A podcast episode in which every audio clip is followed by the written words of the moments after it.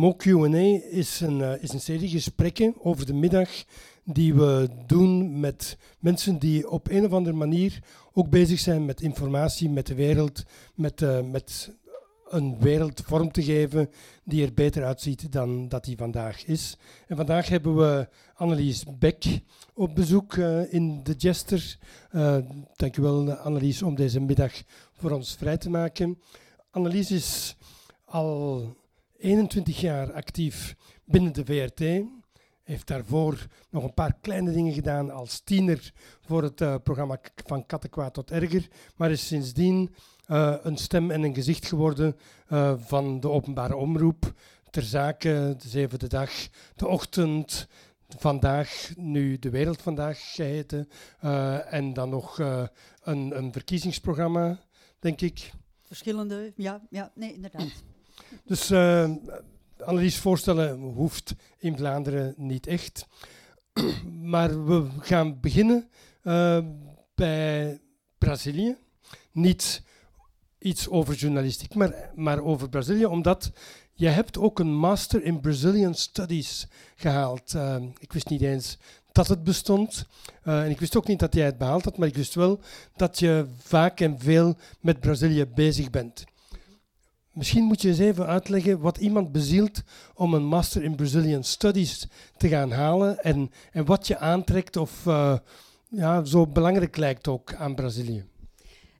Um, dank jullie wel allemaal om op deze mooie lentedag hier uh, een uurtje te komen luisteren. Um, ik hoop dat we hier binnen de zon een beetje kunnen doen schijnen. Um, dank ook voor de uitnodiging vind het heel fijn om hier te mogen zijn. Om op je vraag te antwoorden, Brazilië, um, dat uh, was toen ik uh, 18 was, een uh, heel ver vreemd land. We hebben het nu over een periode voor er e-mail, internet enzovoort was.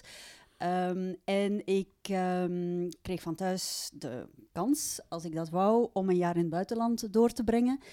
En eigenlijk stond Zuid-Afrika bovenaan op mijn lijstje, want ik wilde liefst zo ver mogelijk, zo vreemd mogelijk, zo anders mogelijk. Alleen dat jaar was Zuid-Afrika niet mogelijk binnen de organisatie EFS, uh, waarmee ik toen um, een uitwisselingsjaar heb gedaan. Second was Brazilië en dat is het ook geworden. Um, ja, zoals ik zei, compleet andere wereld. Je en wordt waar, daar waar in Brazilië ingesmeten. In Juiz de Fora, dat is een stad in Minas Gerais. Um, de stad ligt een kleine drie uur rijden met de bus van Rio de Janeiro landinwaarts. Ja. Dus je moet je heuvels voorstellen, groene heuvels, enfin, vrij hoge heuvels. Um, groen, um, ja, heel... Uh, eigenlijk toen was Juiz de Fora... Ja, een, een, stad zo groot als uh, Antwerpen ongeveer is sindsdien nog wel uh, forser uit de kluiten gewassen. Um, een echte metropool dus. Ja, maar niet in Braziliaanse termen natuurlijk, want daar had je Rio, São Paulo, noem maar op. Dat, dat was onvoorstelbaar uh, voor mij toen. En je woont daar bij een familie in, um, die neem je op alsof je een van de hunne bent. je gaat daar naar school, um, ja, je raakt ondergedompeld in een andere taal, een andere cultuur, andere gewoonte, andere familie. Um, en dat uh, was geen makkelijk jaar, maar een heel verrijkend jaar. Cliché, maar het is heel waar. En het is onder mijn huid gaan zitten. En toen ik terugkwam, ben ik geschiedenis gaan studeren, maar ik heb altijd de gedachte gehouden van ik wil de emotionele band die ik nu heb met Brazilië ook um, intellectueel aanhalen. En toen bleek dat er een Brazilian Studies uh, bestond, zowel in Londen waar ik uiteindelijk um, neergestreken ben, maar ook in Leiden bestond dat toen en in Parijs.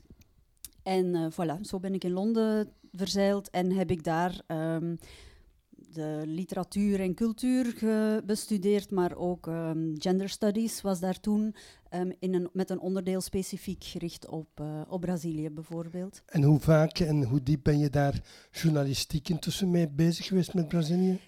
Ik heb Brazilië is ver voor uh, Vlaamse media, denk ik, de mainstream media, laat ons zeggen. En, maar toch, ik ben het blijven volgen. En um, bijvoorbeeld tijdens het World Social Forum 2000 2002, als ik me nu niet vergis, of 2000, ben even kwijt, in Porto Alegre. 2001 was het eerste, denk ik, dus het zal 2002 Twee, geweest zijn. Toen ben ik daar naartoe mogen gaan, uh, heb ik daar verschillende reportages gemaakt, um, een stukje kunnen rondreizen ook. En dan eigenlijk bij de grote events, um, de verkiezing van Gilma, maar later ook 2013, uh, voorbereidingen al voor WK dat dan moest komen, Olympische Spelen en dergelijke. Dus een paar keer is vanuit de openbare omroep heel bewust gezegd: oké, ga maar, gebruik die expertise die je blijft onderhouden. Ook al is dat niet elke dag zichtbaar of bruikbaar, tussen aanhalingstekens, voor de programma's van, uh, van de VRT Nieuwsdienst. Maar je hebt mensen nodig die over de lange termijn iets blijven volgen om dingen, ontwikkelingen, gebeurtenissen in perspectief te kunnen plaatsen ook. En het kost mij geen moeite, het is wat, ik, ja, wat me bezielt. Komen daar zo dadelijk op terug, maar nog één detail. Je bent op dit moment ook bezig met een roman uh, af te werken over Brazilië. Waarom een roman en, en mogen we al weten waarover die gaat? Um, waarom een roman, dat mag je weten. um, ik zei het al, ik heb geschiedenis gestudeerd en uh, wat. Uh, kleine aanloop, maar de, wat mij um, drijft, zowel in die fascinatie voor wat vooraf ging, als in het zoeken naar uh, achtergrond en duiding bij wat er vandaag in de wereld gebeurt, dat zijn die vragen. Hoe zit het in elkaar? Wat weten we niet? Wie zegt wat waarom? Hoe zoeken we dit uit? Kunnen we dit verifiëren? Hoe expliciteren we wat we niet kunnen achterhalen? Um, dat, dat, dat situeert zich op het vlak van mijn dagelijkse job, zeg maar, die journalistiek met korte deadlines. Elke dag tegen de avond moet het af zijn. Moet je weten welke vragen je die dag wil stellen. Wat is dan op dat moment relevant? Maar ik blijf ook de behoefte voelen om een stap achteruit te zetten. En dat voer ik terug op mijn geschiedenisopleiding en op mijn aard en temperament, denk ik. En om te zeggen, oké, Olympisch standpunt innemen, overzicht, wat zijn grote lijnen? En waarom dan fictie? Omdat fictie je toelaat om um, een, een, een zoektocht naar waarheid te ondernemen, beladen term, um, die niet louter intellectueel binnenkomt, maar ook via gevoel, via inleving, via, via verbeelding. De voorstelling van een andere manier van zijn, een andere manier van denken en dergelijke. En dat is iets wat, um, ja, wat voor mij hoort bij waarheidsvinding. Namelijk ook wat je kunt bedenken en wat je kunt afvragen. Een roman gaat niet over antwoorden, dat gaat ook over vragen en over aftasten. En het is nu eenmaal iets dat zich aan mij opdringt om dat ook uit te werken. De Braziliaanse roman, um, zoals ik hem noem, speelt zich daar af. Is al paar keer vermeld dat die komende is. In de Noordest. niet in de Noordest. Uh, nee, helemaal niet. In, in, um, in uh, een heel andere streek. um, en de reden dat hij er nog niet is, want hij had er al moeten zijn, maar de reden dat hij er nog niet is, is dat ik hem aan het schrijven was. 2016 gebeurde, zal ik nu maar zeggen. En alles wat dat met zich meebracht. En ik merkte, ik heb een moment gehad dat ik echt dacht. En als je zegt 2016 gebeurde, want niet iedereen. Dan bedoel ik aanslagen, bedoel ik. Uh, dat, dat was een soort keiharde confrontatie. Hier ook heel erg met wat is er allemaal gaande in de wereld. Wat, wat denken we daarover? Hoe voelen we ons daarbij? Wat overkomt ons hier? Dat soort zaken. Um, ook wat uh, de, de, de koe in Turkije bijvoorbeeld en noem maar op. Um, het internationale nieuws was heel erg in your face op dat moment, laat het me zo zeggen. Um, en ik heb er echt even mee geworsteld van hoe uh, zorg ik ervoor dat, een dat de roman die ik aan het schrijven ben niet minder is bijna dan alles wat we in de kranten lezen tegenwoordig. Hoe overtref je dat? Wat kun je nog toevoegen in een roman als de kranten vol staan met dergelijke verhalen. En dat heeft even tijd gekost en vandaar dat u nog heel even geduld zult moeten hebben voor het boek kunt lezen. Om Brazilië toch nog uh, even ver te trekken, maar ook stilaan af te ronden. we zitten in Brazilië opnieuw ook in een rollercoaster. De, de politieke actualiteit ontwikkelt zich razendsnel. Uh, Lula wordt gevangen gezet, enfin, Dilma is afgezet, uh, Lula gevangen gezet. Uh, er komen verkiezingen aan in oktober. Ik las net een, een stuk dat bij ons verschenen was over de, het aantal aanvallen, gewelddaden tegen, tegen persmensen, dat geweldig toeneemt ook. Hoe lees jij de actualiteit op dit moment in Brazilië? Dat het niet de goede kant op gaat, lijkt duidelijk, maar misschien ja. is het wel nog belangrijk om er andere dingen over te zeggen. Ja, het, het, is, um, het is echt op een, op een cruciaal punt, denk ik, op dit moment. Ik ben er laatst in uh, afgelopen augustus was ik er. En wat mij toen heel erg opviel, was een soort uh, defetisme slash gelatenheid bijna. Als je dat vergelijkt met de, de, de veerkracht en de hoopvolle uh, marsen liever van in 2013. Dat, dat verschil was gigantisch. Iedereen had zoiets van, ach, wat heeft het allemaal opgeleverd? Gilma weg, Lula onder verdenking toen, nu dus inderdaad um, in de cel. Ik las ook dat uh, gisteren dat Aecio Neves nu ook... voor uh, de rechtbank moet komen. Dat was de grote concurrent van Gilma in, bij de verkiezingen in 2014. En dat is op een manier, kun je dat lezen als goed nieuws. Want dat betekent, oké, Lula de cel in, maar ook de andere kant wordt zwaar aangepakt en moet zich verantwoorden voor corruptie, voor wandaden enzovoort. En dus je hebt twee manieren om er naar te kijken. Um, die corruptieprocessen kun je beschouwen als het glas is half vol, want op zijn minst zijn er nu die processen, worden mensen ter verantwoording geroepen. Anderzijds, het, proces is, um, het glas is half leeg, want um, lang niet iedereen moet zich verantwoorden.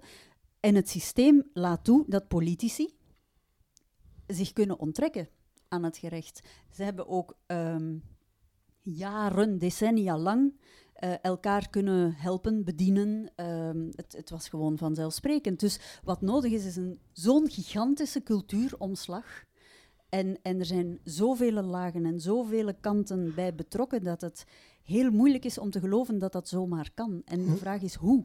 En ik zie op dit moment niet veel mensen die daar een antwoord op hebben. Degenen die zich presenteren momenteel als kandidaten zijn populisten van een slag erger dan Donald Trump. Ja, ik weet niet hoe. Als je ze vergelijkt, wat, wat, uh, hoe, hoe dat uh, zich tot elkaar zou verhouden, maar Bolsonaro, naar wie je uh, verwijst ongetwijfeld, oud uh, militair, zegt allemaal onvriendelijke dingen en ik druk me zacht uit over onder andere homoseksuelen, noem maar op. Hij flirt eigenlijk met de militaire dictatuur van in der tijd. Ja, dat is iemand, een populist, die mensen aanspreekt, blijkbaar op dit moment. Er is een soort hang bij een bepaald deel van de bevolking naar uh, nieuwe sterke man, moet nu maar eens gedaan zijn. Hij is ook de een van de weinigen die nog niet in opspraak is gekomen in uh, termen van corruptie en dergelijke. Dus hij heeft een soort clean imago, maar dat komt dus wel met een boel bagage.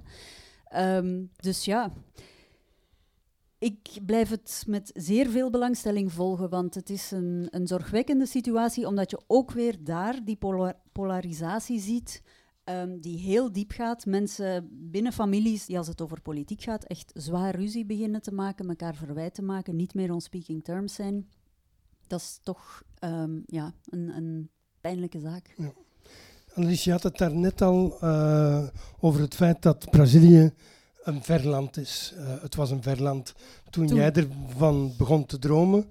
Maar je zei ook, als, als ik vroeg naar het journalistieke werk, dat het een verland blijft in zekere zin. Omdat het, uh, wat daar gebeurt zelden erg genoeg is om bij ons het nieuws te halen. Dus ik, ik zou een beetje weg van alleen Brazilië, is wil ik vragen aan jou hoe dat je daar naar kijkt, naar die, naar die afstandsregel. Hè. We mhm. kennen allemaal de, de berekening van uh, zoveel doden, uh, hoeveel doden moeten er vallen uh, in vergelijking met de, de, kilometer afstand om het nieuws te halen. Dat is een, een soort versimpeling van dat probleem.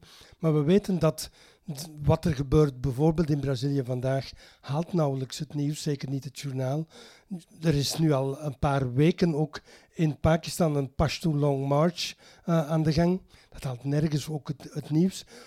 Hoe komt het dat wij er zo slecht in slagen, blijkbaar, om definiërende gebeurtenissen in landen die ver weg liggen, maar soms toch wel van enorm belang zijn, om die ook in onze berichtgeving de plek te geven die ze verdienen?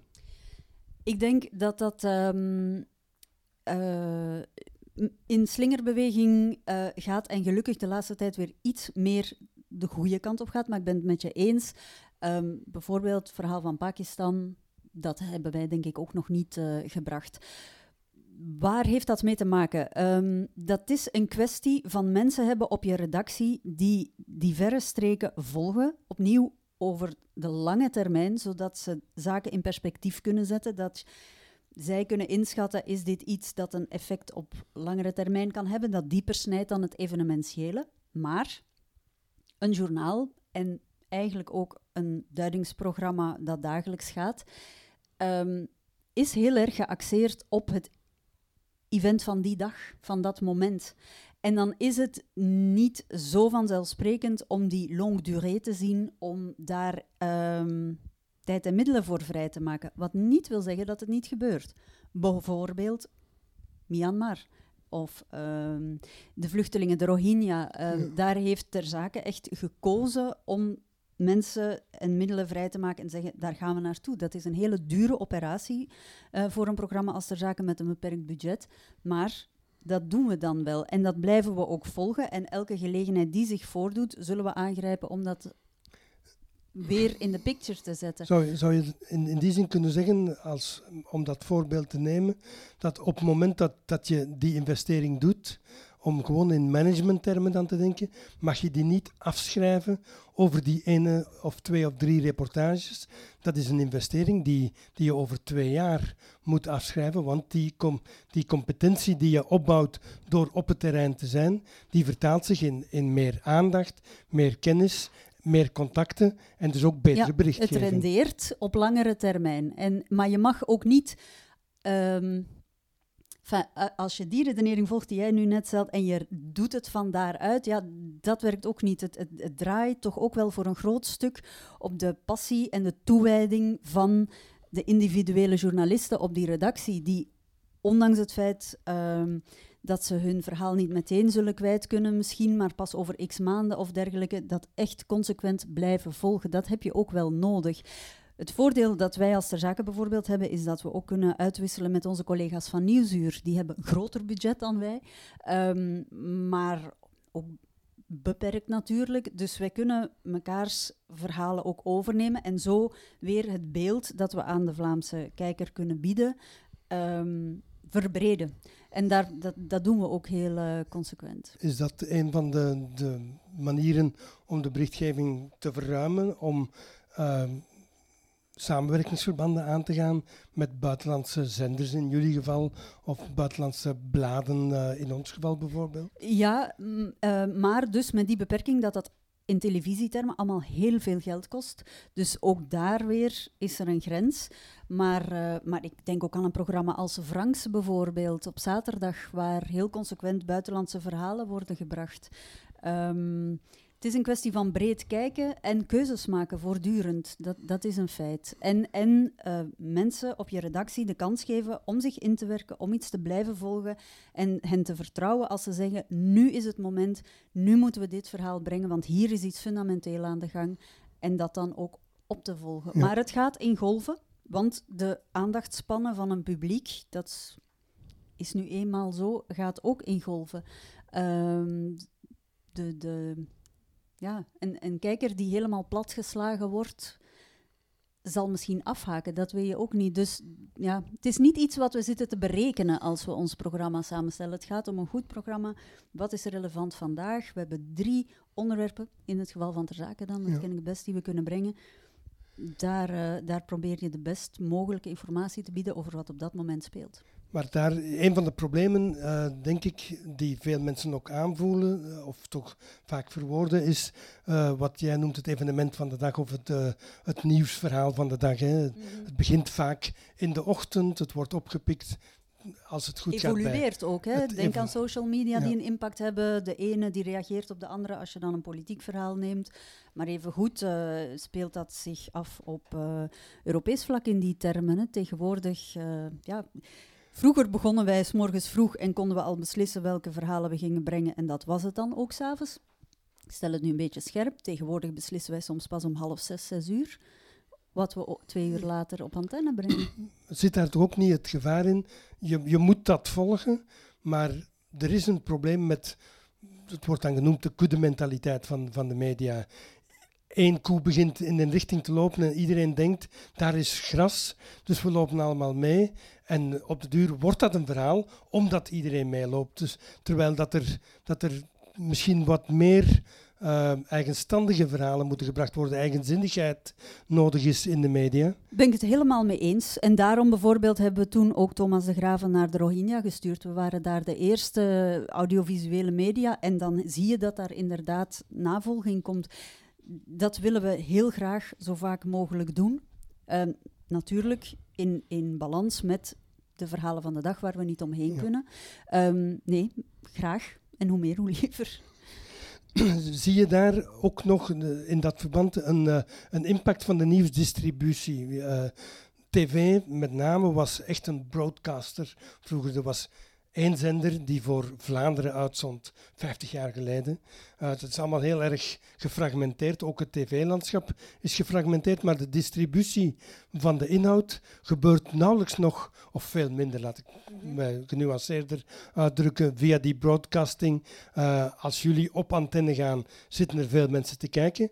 Maar daarnaast zijn er een heleboel mensen die één element uit dat programma pikken online en dat of zelfs één quote via Twitter of zo, die wordt verspreid. Ja. Zie je daar een impact ook op, op de manier waarop jullie keuzes maken of een, of een programma aanpakken, invullen, het soort mensen dat je vraagt, het soort verhalen dat je brengt?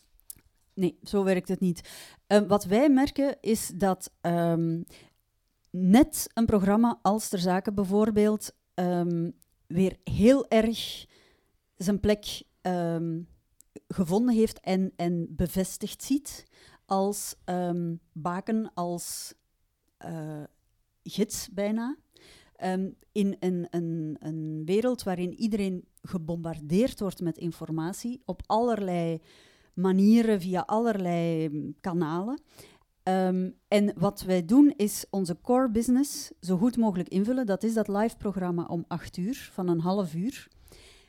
Daarnaast zullen we een aantal van de meest opvallende, nieuwswaardige of verhelderende, inzichtbiedende elementen ook verdelen via social media, omdat daar veel jongere mensen zitten, maar ook andere.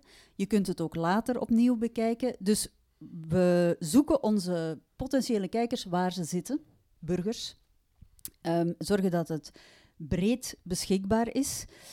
Maar het is niet zo dat wij gaan denken in functie van die, die media. Het, vertrekt allemaal nog altijd vanuit dat lineaire programma. En we merken dat daar nog altijd, en weer meer dan ooit het geval is geweest, um, mensen naar kijken op het moment dat dat wordt uitgezonden. Wat dus ook betekent dat jullie in een positie zitten waarin je kan zeggen inderdaad, dit is een belangwekkend verhaal. Precies. En wij zetten dat in de, in de nieuwsomgeving en in de hoop dan dat anderen dat ook zien, oppikken, dat het publiek volgt. Of dat de burger er iets aan heeft bij het vormen van zijn mening of van zijn kijk op de wereld, absoluut. En heb jij dan, dus ik, ik, ik, wil jou niet in de positie zetten om het programma te verdedigen of, of de VRT te verdedigen, maar heb jij zelf altijd het gevoel dat je voldoende die internationale dimensie aanwezig kan brengen in de programma's die jullie maken. Uh, van buitenaf lijkt het, en dat zal misschien mijn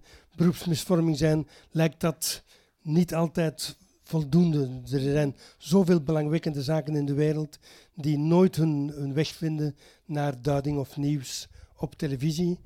Nog, nog minder dan op radio bijvoorbeeld. Ja, of dat minder is dan op radio, dat weet ik niet. Ik heb nu niet geturfd.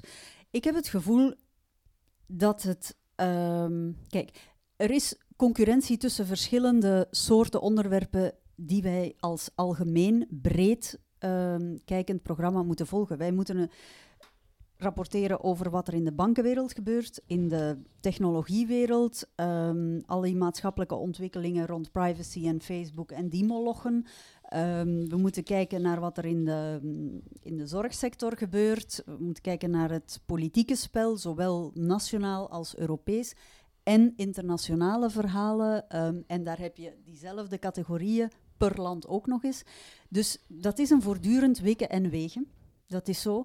En dan kan ik me voorstellen dat zeker vanuit eh, het perspectief en de specialisatie van mode, dat je denkt, ah, er is nog zoveel meer. Maar ik denk dat voor een openbare omroep dat je het iets breder moet bekijken en dat er ook iets is als um, de reportages in Franks Checkpoint, ook iets als uh, de reeksen die Rudy Franks maakt overal in de wereld, of uh, bij momenten mm, verbreedt hij zijn scope. Ehm, dus dat dat daar ook deel van is. Het, ter zake kan dat niet alleen, pretendeert dat ook niet. Maar wij willen wel op momenten dat er zich significante dingen voordoen in die verre wereld, laat ik het nu zo zeggen, en de wereld wordt hoe langer, hoe dichter en kleiner, dan, dan, dan moeten mensen dat weten, ook via ter zake, zeker ook via ter zake. Goed, ik heb uh, een citaatje uit persoonlijk werk, uit een voorwoord van het, uh, van het Echt Nieuwsnummer van december van Mo Magazine genomen. Ik zou daar een paar zaken willen uitpikken om over journalistiek en berichtgeving nog wat dieper in te gaan. Maar ik ga eerst voor de luisteraars thuis het citaat even in zijn geheel voorlezen. De opdracht om tegen alle hang naar comfort, naar het comfort van zelfbevestiging in, te blijven berichten over wat er echt gebeurt in de wereld en waarom, is anno 2017 urgenter dan ooit. Aangezien we vandaag de gevolgen zien van wat begon als infotainment en uitliep op nepnieuws. De opkomst van extreem gemonopoliseerde mediaspelers online, die zich presenteren als deelplatformen, sociale media en altijd at your service, heeft de verstoring van de mediawereld en onze omgang met nieuws versneld, verdiept en van gedaante veranderd. Het grootste kapitaal van de journalistiek was haar betrouwbaarheid. Daarop is zwaar ingeleverd voorbije jaren. Met excuses voor de stem, maar de pollen spelen mij parten. Infotainment, daar begin ik eigenlijk uh, zo'n beetje het doemscenario, wat als ik de paragraaf herlees, daar toch een beetje in, in doorklinkt. We hebben de afgelopen twintig jaar in de zoektocht naar naar een groter publiek of naar het voorkomen van het afhaken of het verdwijnen naar andere aanbieders. Uh, de zoektocht gezien naar hoe moeten we nieuws en duiding aanbrengen. En een van de antwoorden daarop was: het moet leuker zijn. Het mag niet zo saai zijn. Uh, de, de, staatstelevisie werd opgevoerd als de grote boeman, de, de stijve grijze heer die, zoals de BBC, het nieuws voorlas zonder emotie. Nee, er mocht emotie in, er mocht ook uh, een beetje humor in. Niet in de nieuwsbulletins, maar in de duiding enzovoort. Heb jij zelf het gevoel dat, daar een, uh, dat dat een beetje een hellend vlak is waar we afglijden? Of, uh, of overdrijft men die kritiek? Ik denk dat uh, wat je beschrijft zich zeker heeft voorgedaan, maar um, wat ik zie is dat de slinger aan het terugslaan is. Dat het juist weer ernstiger mag, moet, dat um, doordat de media ook uh, tureluurs ge, ja, moet ik zeggen, geslagen zijn, gemaakt zijn door een samenloop van omstandigheden, namelijk um, commerciële media die erbij kwam dan televisiematig in, uh, in Vlaanderen, um, de opkomst van um, bepaalde partijen die uh, een heel andere toon aansloegen dan we tot dan toe gewend waren, die eigenlijk de, de gebruikelijke schema's van verslaggeving en van interviewen um, ook uitdaagden. Um, het antwoord daarop was eerst heel, heel erg zoeken en het andere extreem um, uitgaan, eh, of de andere richting uitgaan. Ik denk dat er nu weer heel erg, zowel bij publiek, nood is aan. Ver, vertel het nu eens gewoon zoals jullie gevonden hebben dat het is op dit moment met de informatie die je nu, waar je nu over beschikt. Nood aan gatekeeping, aan kaders, aan inzicht, aan duiding.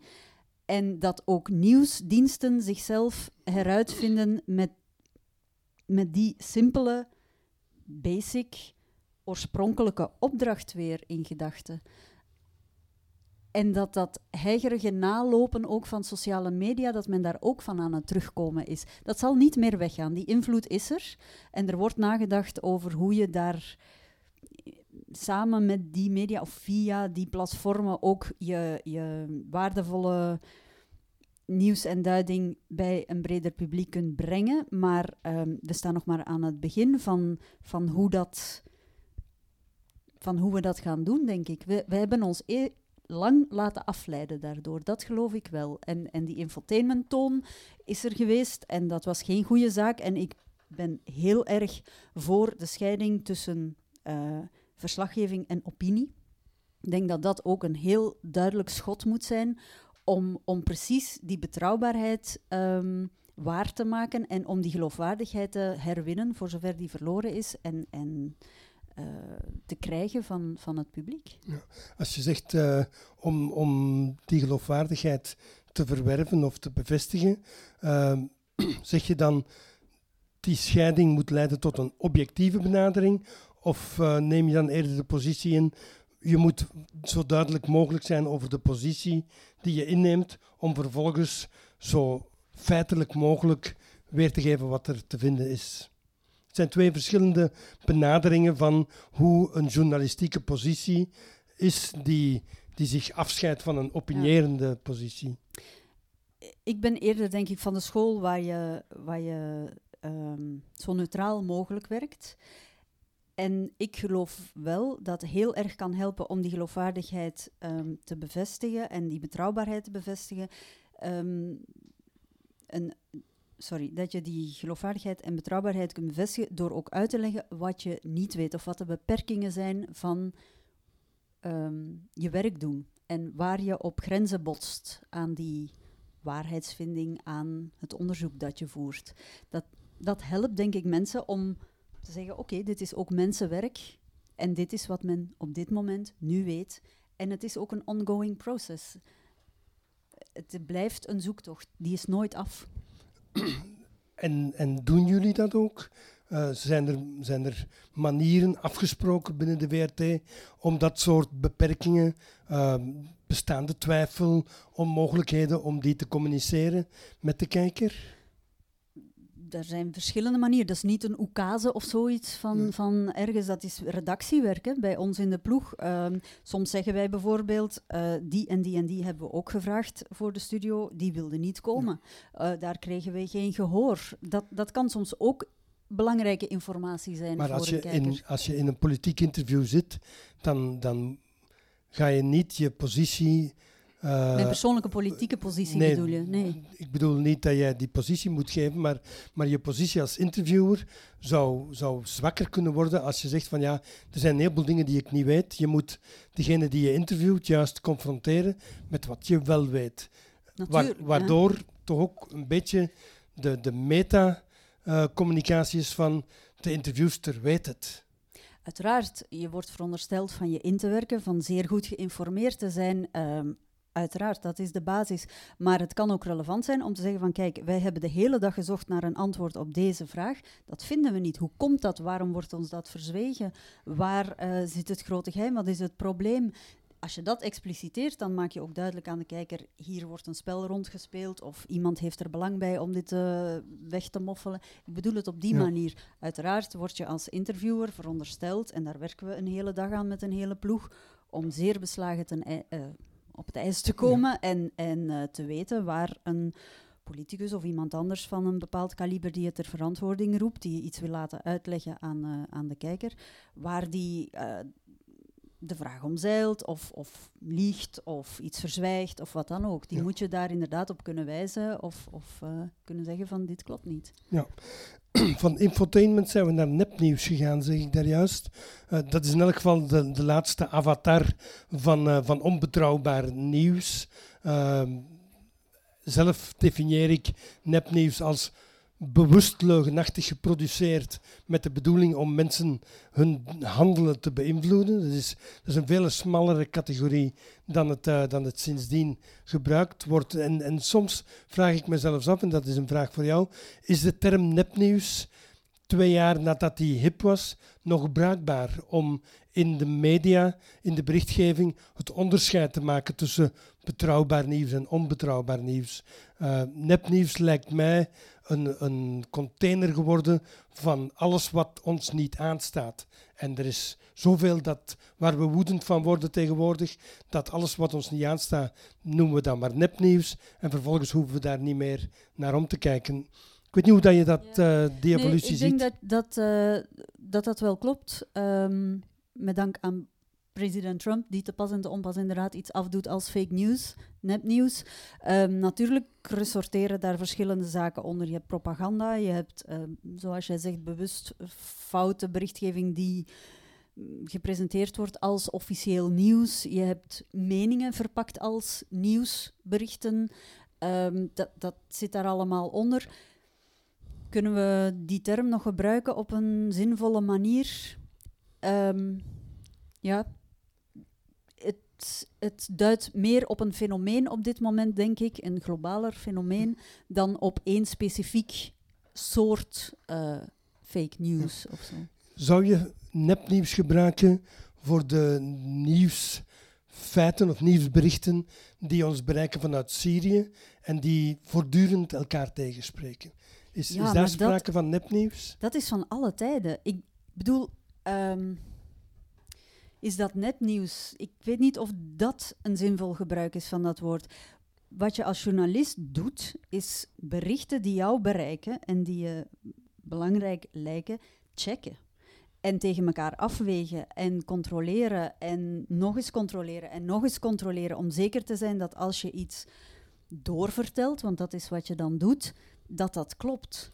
Wij hebben op onze redactie bijvoorbeeld ook jonge mensen die gewoon daarmee bezig zijn, die weten hoe ze beeld moeten decoderen. Wat is de oorsprong daarvan? Klopt dat wel? Is dat wel van die datum, van die plek enzovoort? Dat is een, een skill die je tegenwoordig nodig hebt om te weten of je bron, want daar gaat het dan om, of dat een betrouwbare bron is, of dat klopt. Maar gisteren was er het, uh, het, artikel van Robert Fisk in The Independent, waarin hij eigenlijk zegt, het, er was sprake van een soort hyperventilatie door de stofstorm en, en niet, uh, de dokter zegt tegen mij dat hij geen gifgas gezien heeft.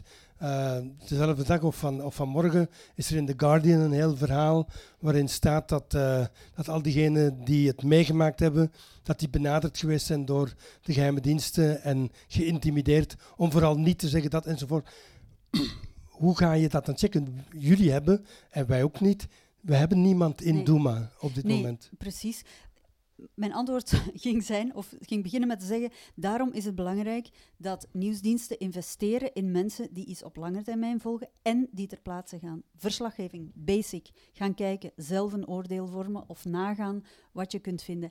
En ten derde, zeggen wat de beperkingen zijn. Nogmaals, het gaat niet op. Kijk, je kunt niet zeggen van oké, we kunnen dit niet checken, we weten het niet, we krijgen te veel tegenstrijdige informatie, dames en heren.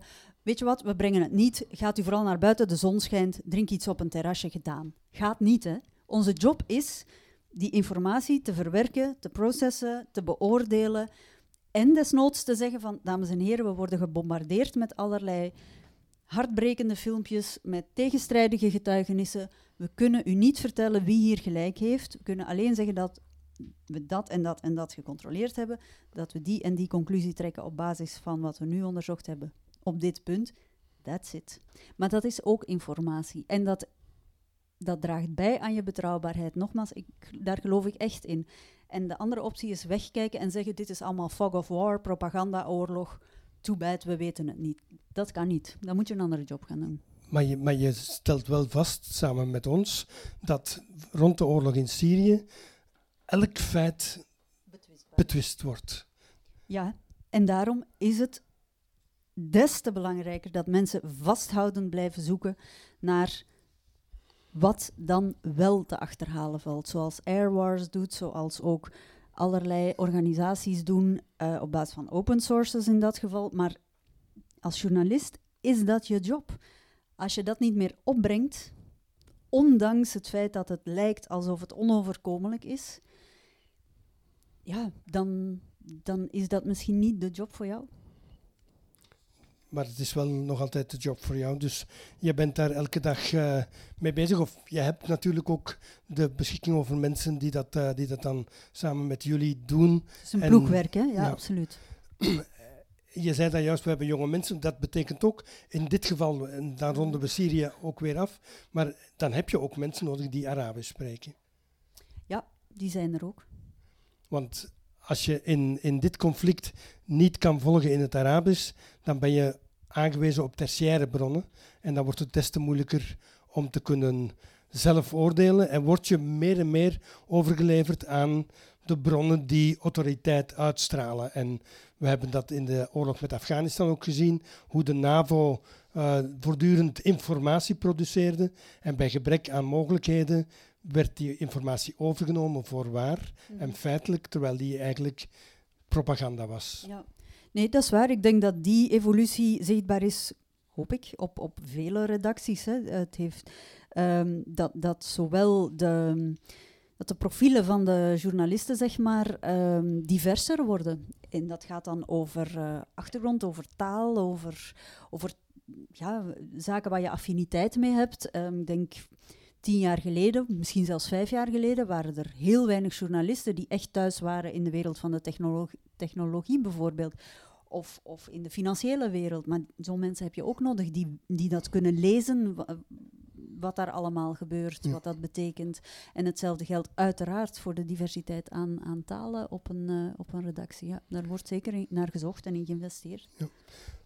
We hebben al een paar keer ook gesproken over de betrouwbaarheid uh, van media.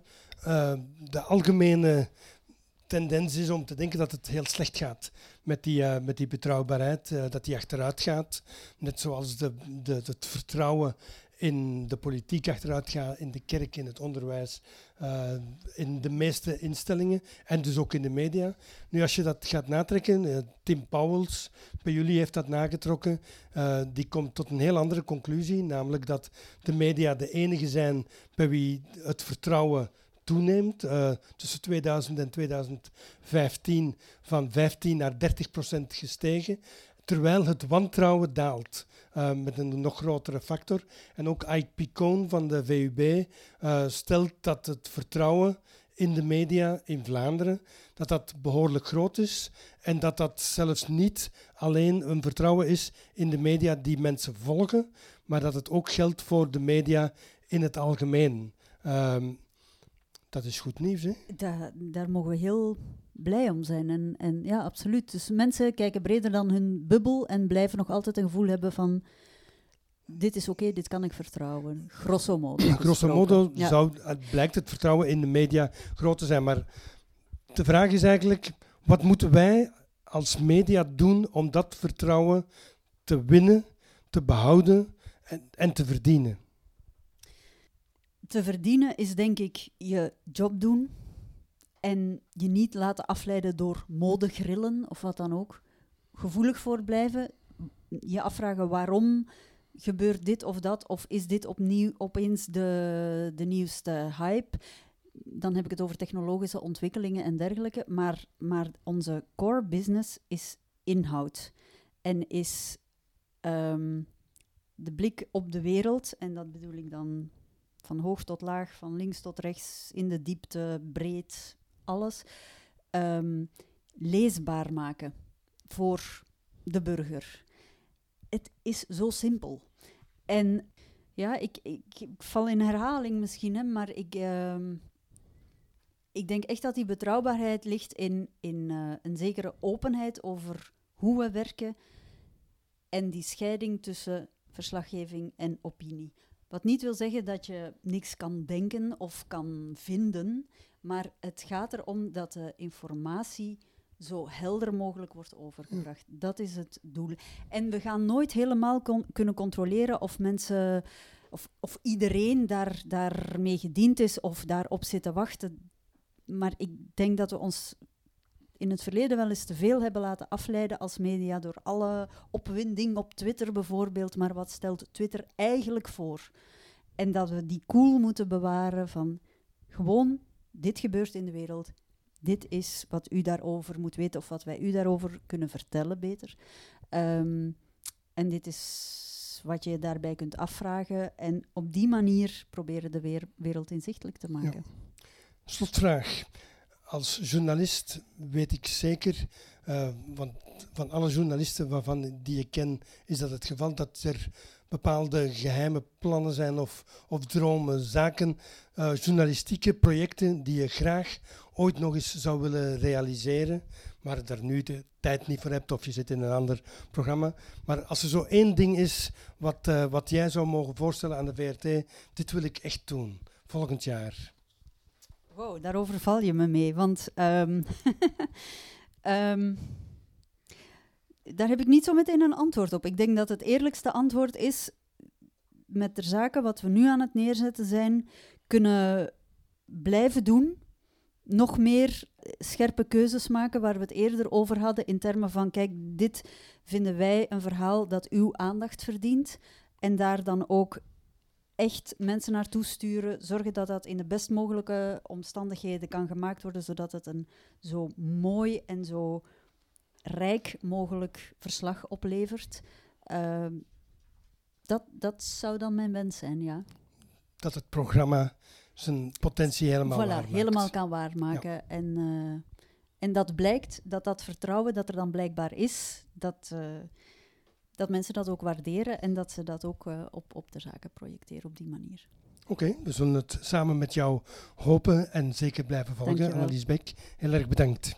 Met veel plezier.